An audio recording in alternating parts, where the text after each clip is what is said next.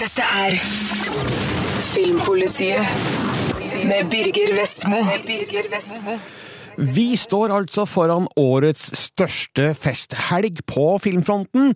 Natt til mandag deles Oscar-prisene ut i Los Angeles.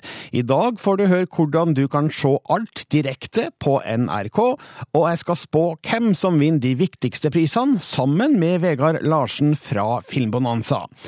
Dessuten anmeldes premierefilmene Anna Karenina, Parker og The Master.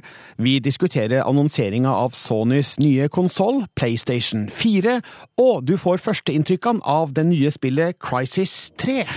Filmpolitiet P3.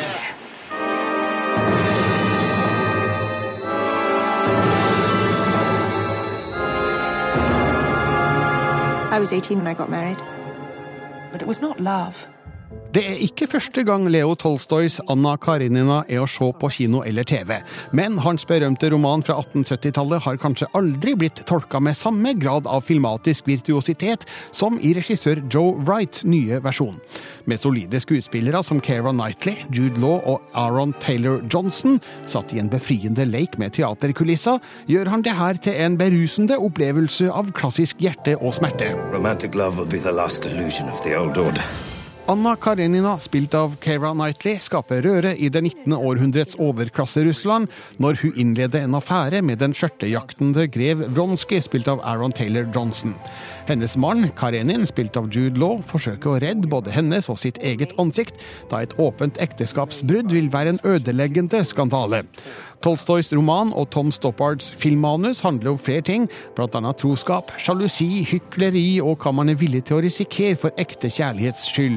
Og hva er egentlig ekte kjærlighet? This must stop. If you have any thought for me, you will give me back my peace. There can be no peace for us, only misery, my greatest happiness. Filmens tematikk er kanskje tidløs, men noen problemstillinger, reaksjoner, handlingsmønstre og logikk tilhører til en viss grad en svunnen tid, og kan oppfattes som teatralsk. Kanskje er det derfor Joe Wright like godt har valgt å fortelle store deler av historien i en teatersetting, der kulissene danser rundt skuespillerne og danner stadig nye rom de kan spille i. Jeg syns det fungerer godt som filmatisk løsemiddel mot teatralsk stillstand og tungnemhet. Det tilfører filmen en forfriskende energi som børster støvet av Tolstoys ord og figurer. It would be a sin to help you destroy yourself. Keira Knightley ser ut til å ha blitt Joe Wrights muse. Anna Karenina er deres tredje samarbeid, etter Om forlatelse og Stolthet og fordom. Og det er lett å forstå. Hennes skildring av tittelrollen er en intens studie i hvordan kjærlighet gjør blind. Man kan nok stille spørsmål ved noen av Kareninas valg. Filmen viser med all tydelighet hvordan en kvinnes utroskap er langt sterkere sprengstoff i dette miljøet enn en manns sidestrang. Knightleys sterke spill levner liten tvil om konsekvensene. Do you think I would let you have my son? You are depraved. Tolstoys klassiker virker spill levende i Joe Wrights versjon, og ikke som kjedsom gnukking av gammelt gull. Seamus McGarvis feiende foto og Dario Marianellis forførende musikk er òg med på å forynge og fornye den gamle tids litterære skikkelser. Og så har du kanskje venta på at jeg skal kalle filmen for et eh, kostymedrama? Ja, så har jeg gjort det òg. Og Anna Karenina er et ekstremt velgjort tilskudd til denne sjangeren.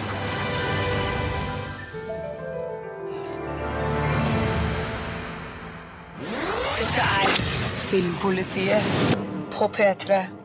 Ja, nå står vi altså foran den store Oscar-helga, og hele Sulamitten sendes live på NRK1 natt til mandag, takket være NRKs eminente TV-program Filmbonanza og programleder Vegard Larsen. Velkommen til Filmpolitiet, Vegard. Tusen takk, Birger. Du har, eh, du har funnet fram eh, pendressen, eller?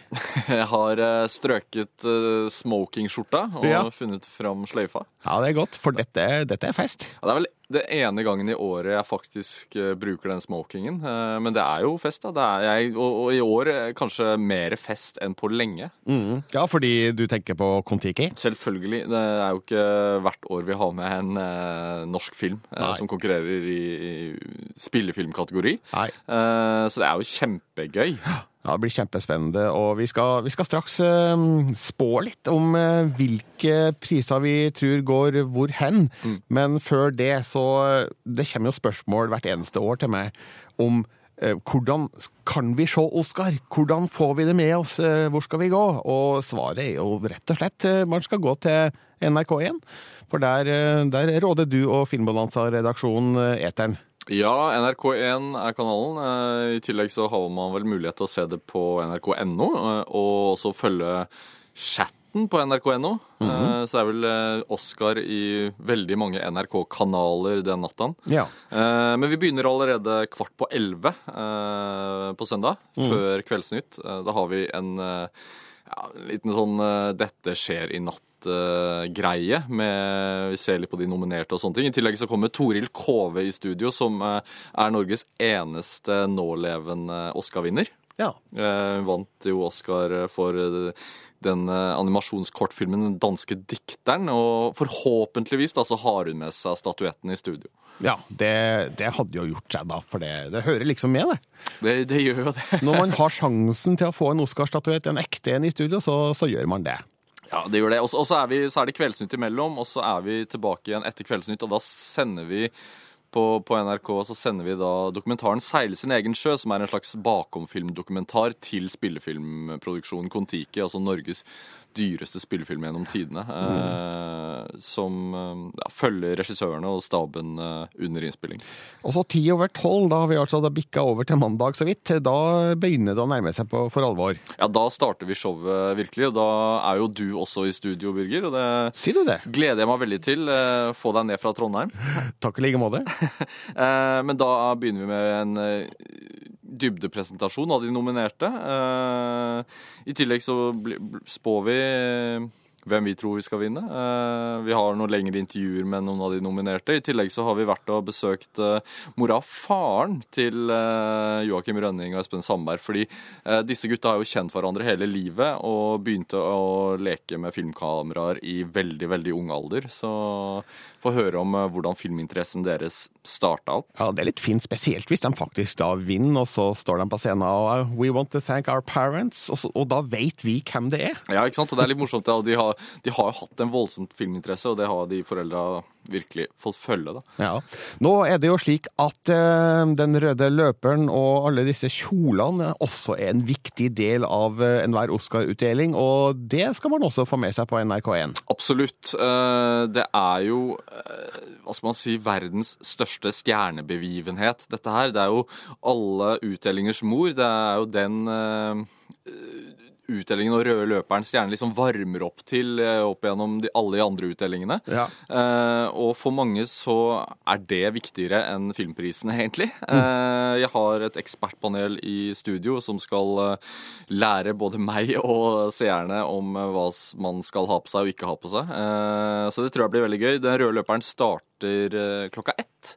Norsk tid, men vi begynner showet litt før da, og ser litt sånn kjolehistorisk på hvilke bommerter man kan gå på. Og for de som syns dette er fjas, så er det bare å si at eh, det her er glitter og glamour og en viktig del av eh, hele Oscarsirkuset. Absolutt, og det er jo småintervjuer med veldig mange av de nominerte, også på den røde løperen. Eh, Så hvis man ikke er opptatt av glamouren, så får man kanskje ja, stifte bedre bekjentskap med favorittskuespilleren sin. Ja. Og så høydepunktet, det må vi nesten kunne si. eh, Selve prisutdelinga.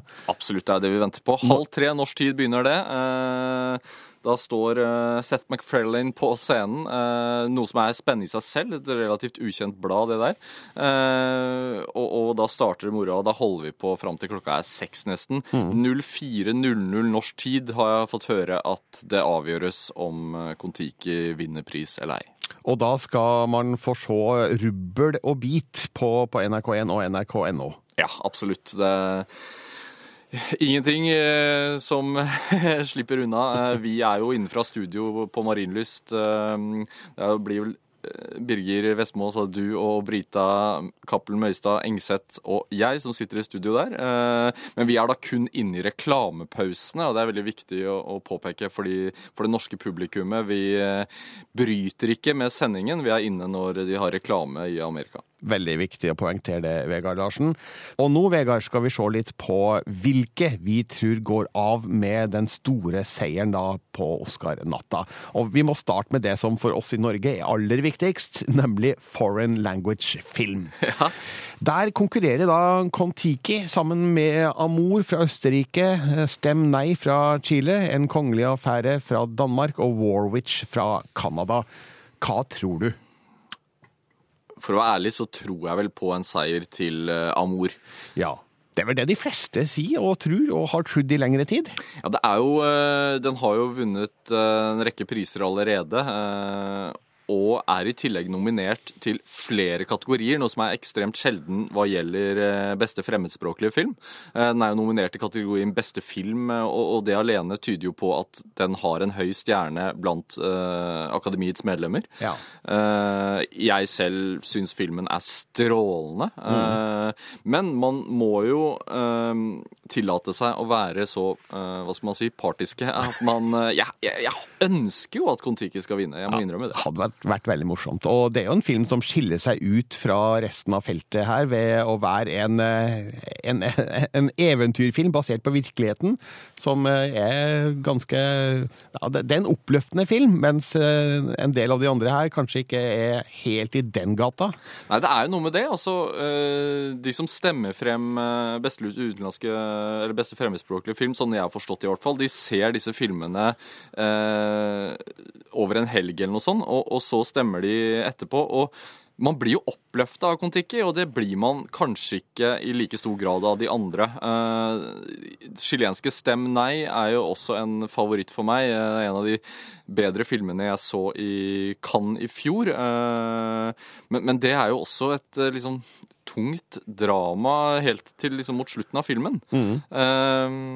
så det kan hende at det hjelper, hjelper det norske bidraget, altså. Jeg har hørt og lest at mange av medlemmene i Oscar-akademiet er gamle mennesker. Så hvor gøy er det for gamle mennesker å se en film som Amor, som minner dem om at eh, snart er det sykdom og død? Nei, det, det er veldig godt poeng. Altså. Men samtidig så er det jo ekstremt sjelden hva skal man si eh, de eldre får se en film som beskriver deres virkelighet såpass nært og, og realistisk. Så det kan jo hende at det trekker den veien også. Vi tror nok mest på Amour, og det hadde vært litt rart om den ikke skulle ha vunnet nå, etter å ha vunnet BAFTA og Golden Globe og i Cannes og alt mulig. Men vi har et lønnlig håp også om Kon-Tiki, så vi krysser fingrene for den. Men det fins flere interessante kategorier, og eh, hvis vi går over på regi, der er Michael Hanneke eh, nominert for nevnte Amour, Ben Zeitlin for sin debutfilm Beasts of the Southern Wild, Ang Lee for Life of P'. Steven Spielberg for Lincoln og David O. Russell for Silver Linings Playbook.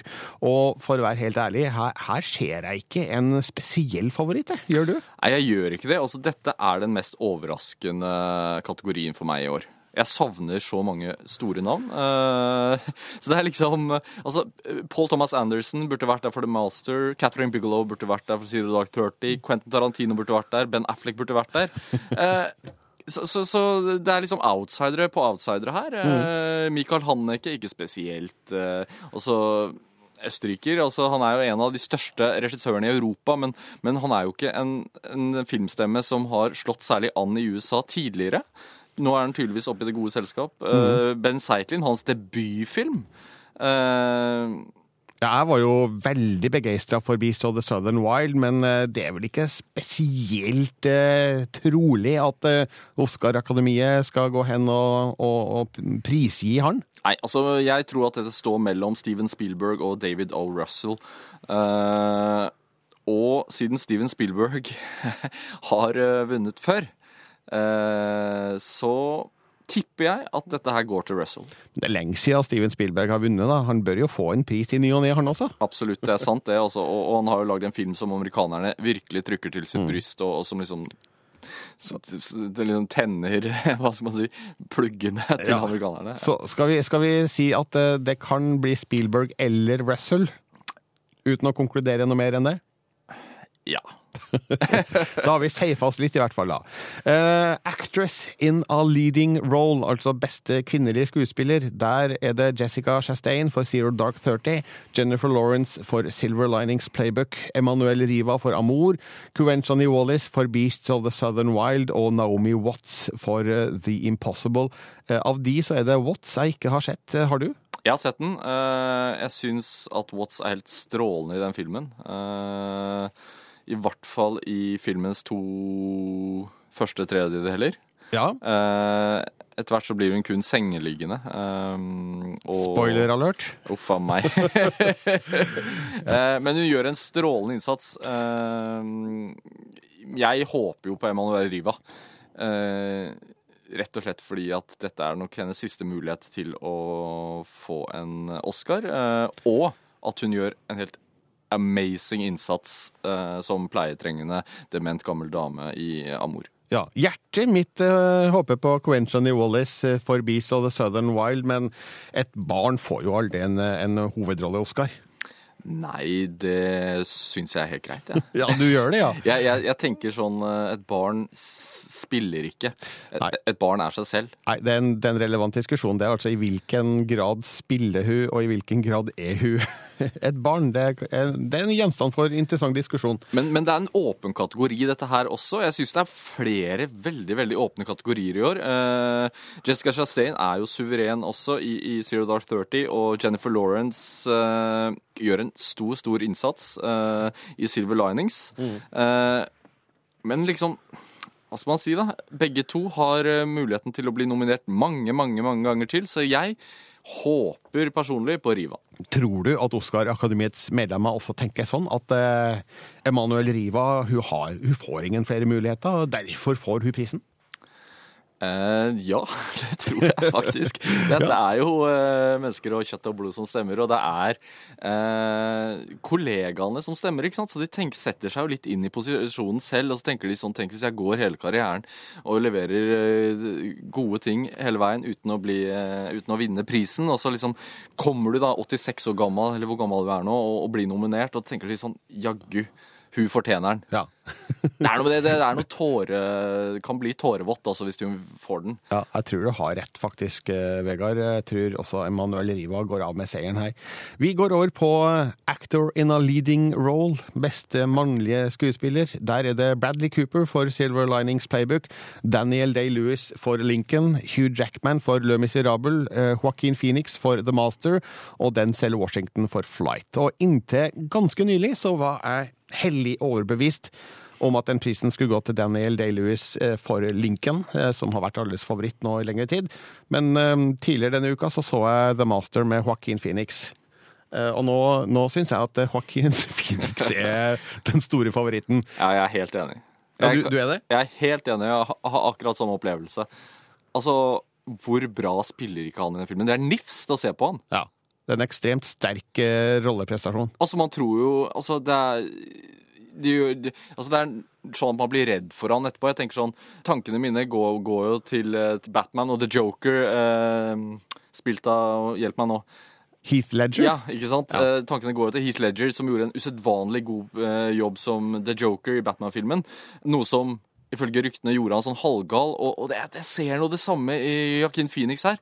Han er, spiller så eh, i grenseland og, og eh, Altså, jeg tror på, så virkelig at han er eh, karakteren i den filmen. Eh, jeg har sjelden sett en, eh, en sterkere prestasjon, altså. Imponerende innlevelse. Ja. Men, men Bradley Cooper han skal være fornøyd med å bli nominert. Ja. Eh, Hugh Jackman har jeg ikke sett i Le Miserable, er sikkert fin. Og Denzel Washington spiller på rutine i Flight, så det står mellom Day-Lewis og Phoenix, vel? Det gjør det, og hvis man skal se liksom hvem av disse kara som er best likt av kollegaene sine i USA, så er nok Daniel Day-Lewis eh, er nok det Daniel Day-Lewis best likt av Ja. kollegaene sine. Ja. Joaquin Phoenix har jo en litt sånn brokete fortid. Eh, gjorde jo et stunt for eh, ikke så mange år siden hvor, hvor folk ikke visste om han hadde faktisk blitt gal eller ikke. Eh, hvor han lot skjegget gro og fortalte at han skulle slutte med skuespilleri og forfølge en karriere som rapartist. Ja. Eh, noe som bare viste seg å være en, hva skal man si, et kunst, kunststunt. Men eh, nei, jeg håper på Phoenix og tror det Louis vinner. The Master er mm, pussig nok ikke nominert til Best eh, Picture. Jeg føler at dette er vel en av de filmene som er blitt litt glemt da, i årets Oscar-nominasjoner. Er du enig? Jeg er helt enig. Eh, jeg har stilt meg selv spørsmålet hvorfor. Eh, Det er jo en storslagen film. Det er en kompleks film. Det er mulig det, altså, at den, eh, at den, eh, Den er for vanskelig? den er for vanskelig. Altså, det er jo en del av våre norske eh, anmelderkollegaer som sier at de har vært nødt til å se den opptil flere ganger før de har våget å sette seg ned og liksom vurdere den. Ja, nettopp. Uh, og det- holder jeg de rett i. Uh, I tillegg så kan man jo spekulere i om har dette noe med det at den kritiserer scientologikirken å gjøre, men uh, det blir jo bare en De har vel en del armer inn i Hollywood. Ja, de har jo det, men Så- det blir jo en spekulasjon. Men vi må se på de som faktisk er nominert da, i kategorien Best Picture, som er selve Formel 1-heatet her. De nominerte er Amour, Argo, Beasts of the Southern Wild, Django Unchained, Le Miserable, Life of P, Lincoln, Silver Linings Playbook og Zero Dark 30.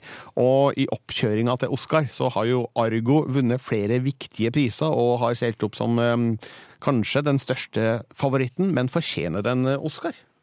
Nei, jeg syns ikke det. Jeg uh, syns at det er en god film, men jeg syns ikke at det er en enestående film. Jeg tror ikke det er en film man kommer til å huske om eh, ja, fem år. Nei, det er vel kanskje mm, noe den har til felles med de fleste av disse nominerte. At det er, det er gode filmer, men det er ikke filmer for eh, historiebøkene, for å si det sånn. Nei, det er ikke det. Altså, det eh, Ser man på filmene som kommer til å bli hus husket der, hvis man skal liksom se på det, så ser jeg liksom Amour, ja. Lincoln, ja. Zero Dark 30, ja. Og det sistnevnte er fordi at det er en knallfilm, men mest av tematikken. Men uh, har Catherine Bigelows film eh, en reell sjanse her til å vinne Best Picture? Jeg tror det. Jeg, jeg ser på den som en real eh, utfordrer uh, til eh, Lincoln. Min favoritt, min personlige favoritt her er jo da igjen Beasts of the Southern Wild, som virkelig rakk inn til hjerterøttene mine. Men heller ikke jeg har vel noe tro på at den skal kunne få en eh, Oscar-pris i denne kategorien. For eh, motstanden er hard, men eh, for meg så er dette et veldig åpent felt. Og jeg ser vel at Argo seiler opp som favoritt, som sagt, men eh, har vel et, eh, et lønnlig håp om at eh, Catherine Bigelow skal bli eh, eh, At Catherine Bigelows film skal motta prisen. Men uh, det finnes jo andre her også, som eh, Django Unchained. Det hadde jo vært veldig morsomt da med en eh, stor-Oscar til Tarantino igjen. Absolutt. Det, men, men igjen så er vi enige. Altså, sånn Rent personlig så ønsker jeg at Beast of the Southern Wild skal vinne. Eh, ikke fordi at det er min favorittfilm blant de nominerte, men fordi at det er underdog-filmen. Ja. Eh, og det er jo liksom den amerikanske drømmen. Det er debutfilmen til Zeitlin. Den er eh, skutt på et veldig lavt budsjett.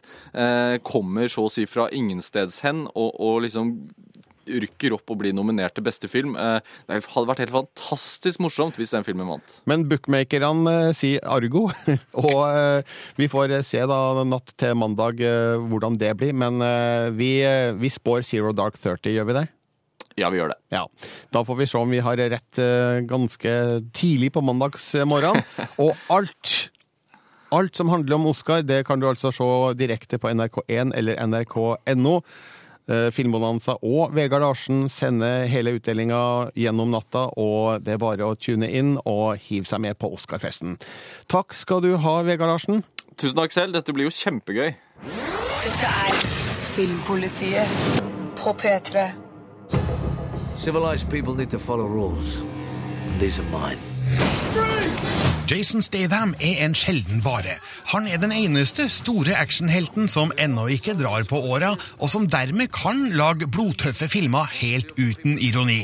Parker viser innledningsvis lovende takter som en tettpakka og hardbarka krimfilm med nådeløse menn i ferd med å gjennomføre et stort kupp. Men så entrer Jennifer Lopez scenen og ødelegger alt.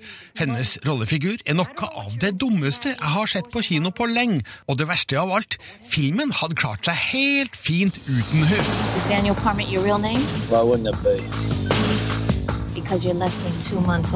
Parker, spilt av Jason Statham, er en tyv, men kollegene fra hans siste kupp forråder han og etterlater han som død. Men død er han sjølsagt ikke, og nå søker han hevn. Han finner ut at de forbereder noe stort i Palm Beach, Florida, og drar dit for å stikke kjepper i hjulene. Og det er der han møter Leslie, spilt av Jennifer Lopez, en desillusjonert boligmegler som trenger penger og spenning i hverdagen. So let them steal something. Let's go. You steal it from them, and I get a cut. Filmen starter greit. Det er ikke Oscar-materiale, det her, men greit sammensatt B-action med kjapt levert handling og godt med trøkk i actionsekvensene. Men så kommer Lopez inn i bildet, og da mister historien sin framdrift. Alt bremser opp. Jeg har ingenting imot Jennifer Lopez, og det er ikke noe spesielt i veien med hennes skuespill. Det er manuset som er dumt og teit. Jeg kjøper ikke forklaringa på hvorfor Leslie skulle legge seg etter sin siste klient, eller hvorfor han lar hun komme innpå seg. Det er dypt uprofesjonelt av både megler og skurk, og lite troverdig sjøl i denne filmens sammenheng. Take off your clothes. What? Regissør Taylor Hackford er en veteran, mest kjent for 80-tallsfilmene En offiser og en gentleman, Against All Odds og White Nights. Hans nyeste hit var Ray i 2004. Med Parker viser han seg som en eh, ganske habil actionregissør. All skyting, slåssing og bilkjøring følger den gamle skole, uten synlig bruk av CGI-triks. Jason Statham er heller ingen uovervinnelig muskelkjempe i denne filmen. Både never og kula får synlige konsekvenser på han, sjøl om det ikke er spesielt troverdig at han fremdeles kan bekjempe trente drapsmenn med fire knekte ribbein. Parker. Parker er en middels grei rett på DVD-film som har sneket seg inn på kinoene. Greit nok, slike trengs som motvekt til tradisjonell kvalitetsfilm, og Jason Statham har mange fans. Men jeg skulle ønske han sto alene på plakaten, og at figuren til Jennifer Lopez var enten fjerna eller gjort til en mindre viktig del av filmen. Parker trenger ikke et feminint alibi. How do you sleep at night? I don't drink coffee after seven.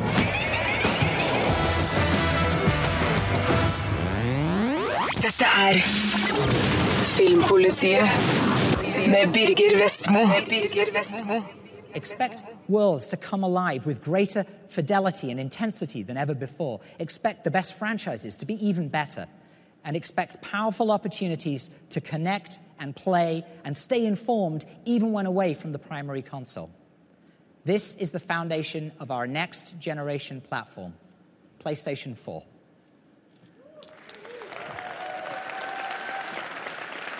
Thank you. Natt til i går annonserte Sony som forventa sin neste PlayStation-konsoll.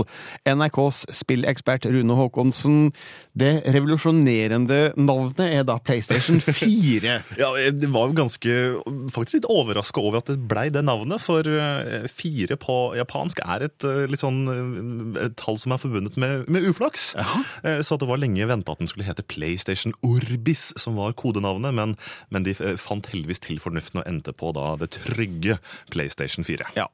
Hva er det viktigste nye med PlayStation 4, syns du? Altså, ved siden av at den selvfølgelig da har bedre grafikk og mye større sånn maskinkraft og kan lage veldig fine bilder, så er det én ting spesielt som jeg syns er spennende. Nemlig at i fjor sommer så kjøpte Sony selskapet Gaikai, som har spesialisert seg på spillstrømming, eller spillstreaming, og de har integrert denne teknologien inn i den nye konsollen på en måte som er veldig spennende. For eksempel så kan du da strømme alle spillene du har på din PlayStation 4 til en PlayStation Vita og ta med deg spillene overalt hvor du går. Sånn at de fjerner på en måte barrieren mellom det å ha en spillkonsoll hjemme og en bærebar spillkonsoll. Det er veldig veldig spennende og kommer til å endre mye av måten vi spiller på. Den andre tingen er at de også da strømmer det du har på TV-skjermen eller Vitaen din til vennene dine på vennelista. Sånn at du kan gå inn og se ja, nå, det- nå lurer jeg på hva Birger driver og spiller nå. Å ja, han spiller det nye spillet her, men å, jeg ser at Birger sliter litt med, med å få til det her, så da kan jeg trykke på en knapp og be om å ta over og hjelpe deg mens du sitter hjemme i din stue. Så det her skaper mange nye måter eh, med samspilling, nye måter å dele opplevelser på. Og det eh, er nok det som er det mest revolusjonerende. Ja, hvorfor tror du Sony satser så hardt på den sosiale biten av gaming? De siste årene så har jo på en måte framveksten av mobiltelefoner, nettbrett og, på en måte, og det som en faktisk spillplattform, den har vært veldig stor og, og, og rett og slett utgjør en enorm direkte konkurranse til de tradisjonelle spillgigantene som Microsoft, Sony og, Nintendo. Så de er nødt til å på en måte ta med seg denne mobile greia og denne sosiale tingen inn i sin konsoll. Og jeg syns de har kommet med en god løsning på hvordan de skal møte den konkurransen de har. Dette er veldig framtidsretta, og jeg må jo innrømme at jeg ble faktisk veldig imponert over måten de har integrert denne teknologien inn i konsollen. Jeg tror det vil rett og slett mm, endre litt av måten vi spiller på. altså.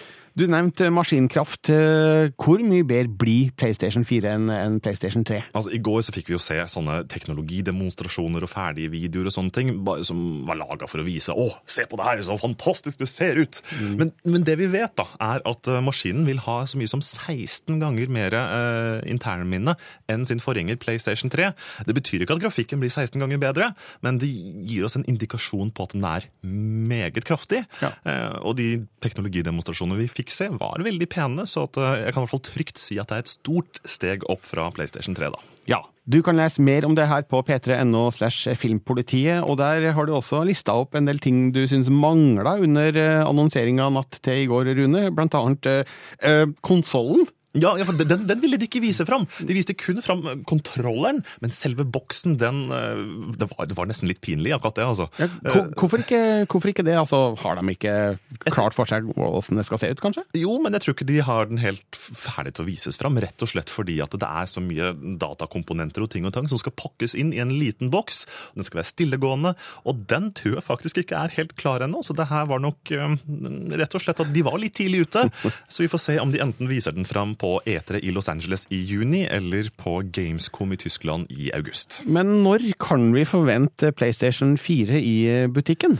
Det sto på slutten av denne pressekonferansen 'Coming this holiday season 2013', men det er nå mest sannsynlig på det amerikanske og japanske markedet. Her i Norge tipper jeg, da, hvis jeg skal komme med en litt sånn profesjonell vurdering, at vi må vente til ja, utpå nyåret i 2014, så det er nok i hvert fall ett år til. Ja, Og prisnivå, er det mulig å spå noe der? Vet du hva, Der vet man ingenting, eh, men eh, den kommer nok ikke til å koste like mye som PlayStation 3 da den kom. Den kosta jo så mye som 6000 kroner da PlayStation 3 først kom. Jeg tror ikke de kommer til å sette prisen så høyt, men eh, det her blir bare spekulasjoner, altså. Jeg må innrømme det. Ja.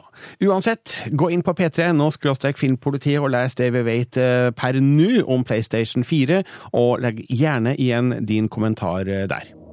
Filmpolitiet. They forced us out for the good of mankind. but the Seth aren't gone. There is one thing left to do.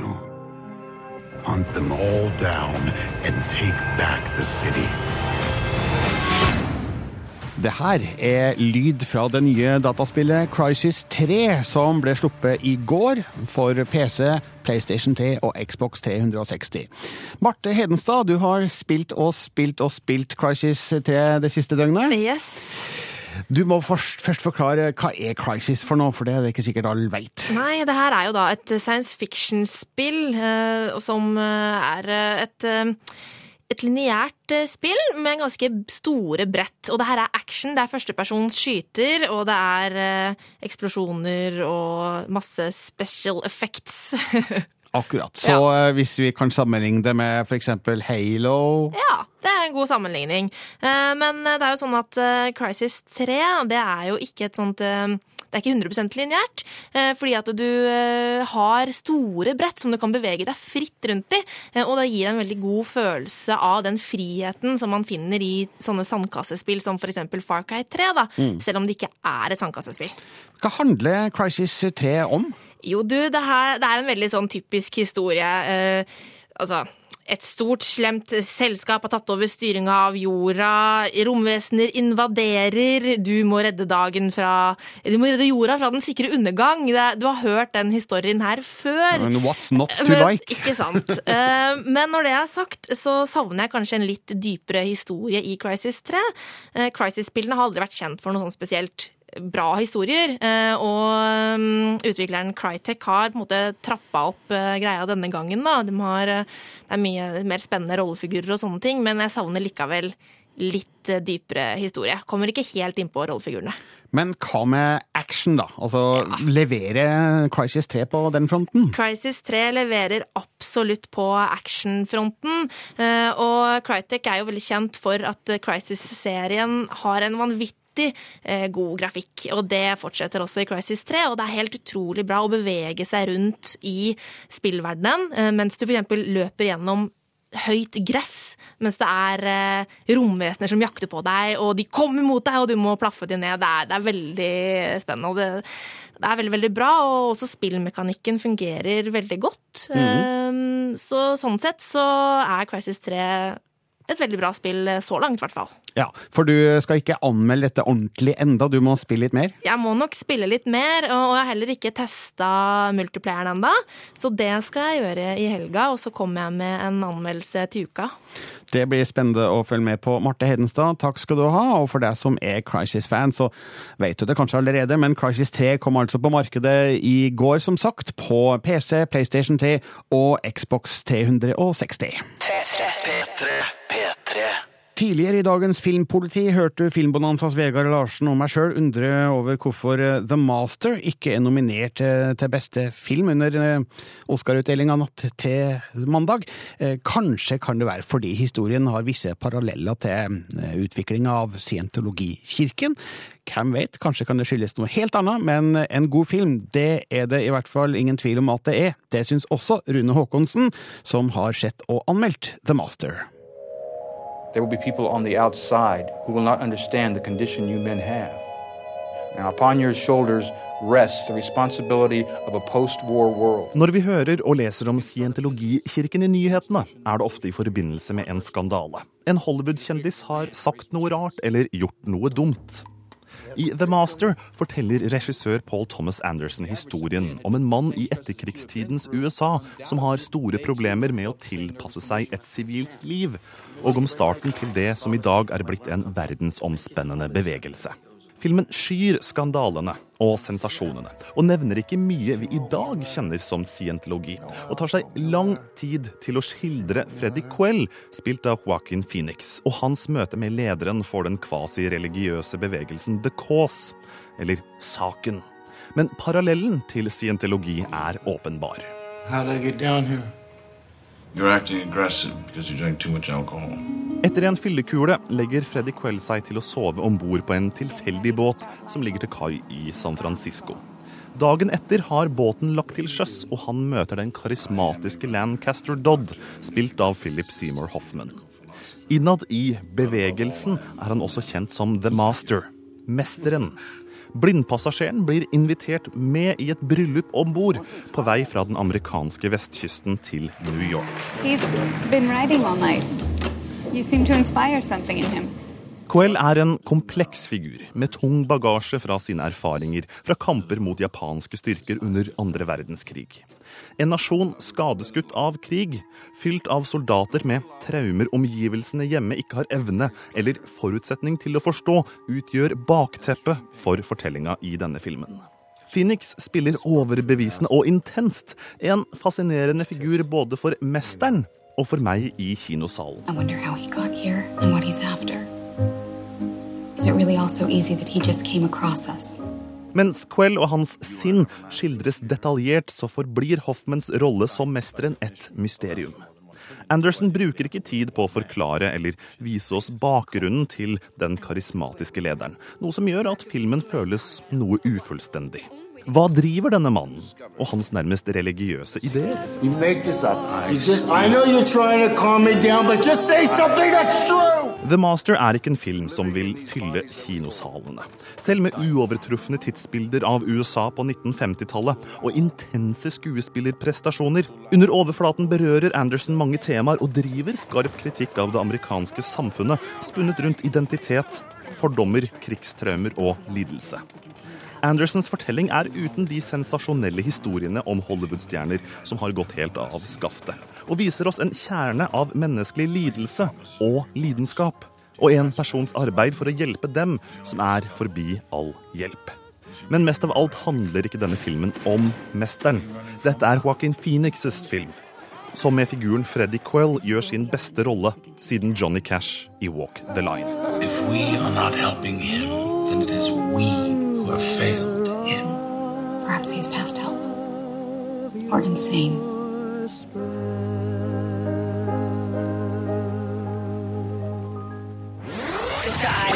Filmpolitiet på P3. Filmpolitiet er på vei mot slutten. Jeg heter Birger Vestmo og minner om at du kan se Oscar-utdelinga live søndag kveld fra kvart på elleve og til mandagsmorgen klokka seks på NRK1 og nrk.no. Og samtidig som du kikker på TV, så kan du også se på nett, for der skal Filmpolitiet følge hele utdelinga på p3.no skråstrek filmpolitiet. Og da ønsker jeg deg en riktig god helg. Dette er Filmpolitiet med Birger Vestmo. Du hører nå en podkast fra NRK P3. Hent flere podkaster fra NRK på nettsiden nrk.no podkast. NRK P3.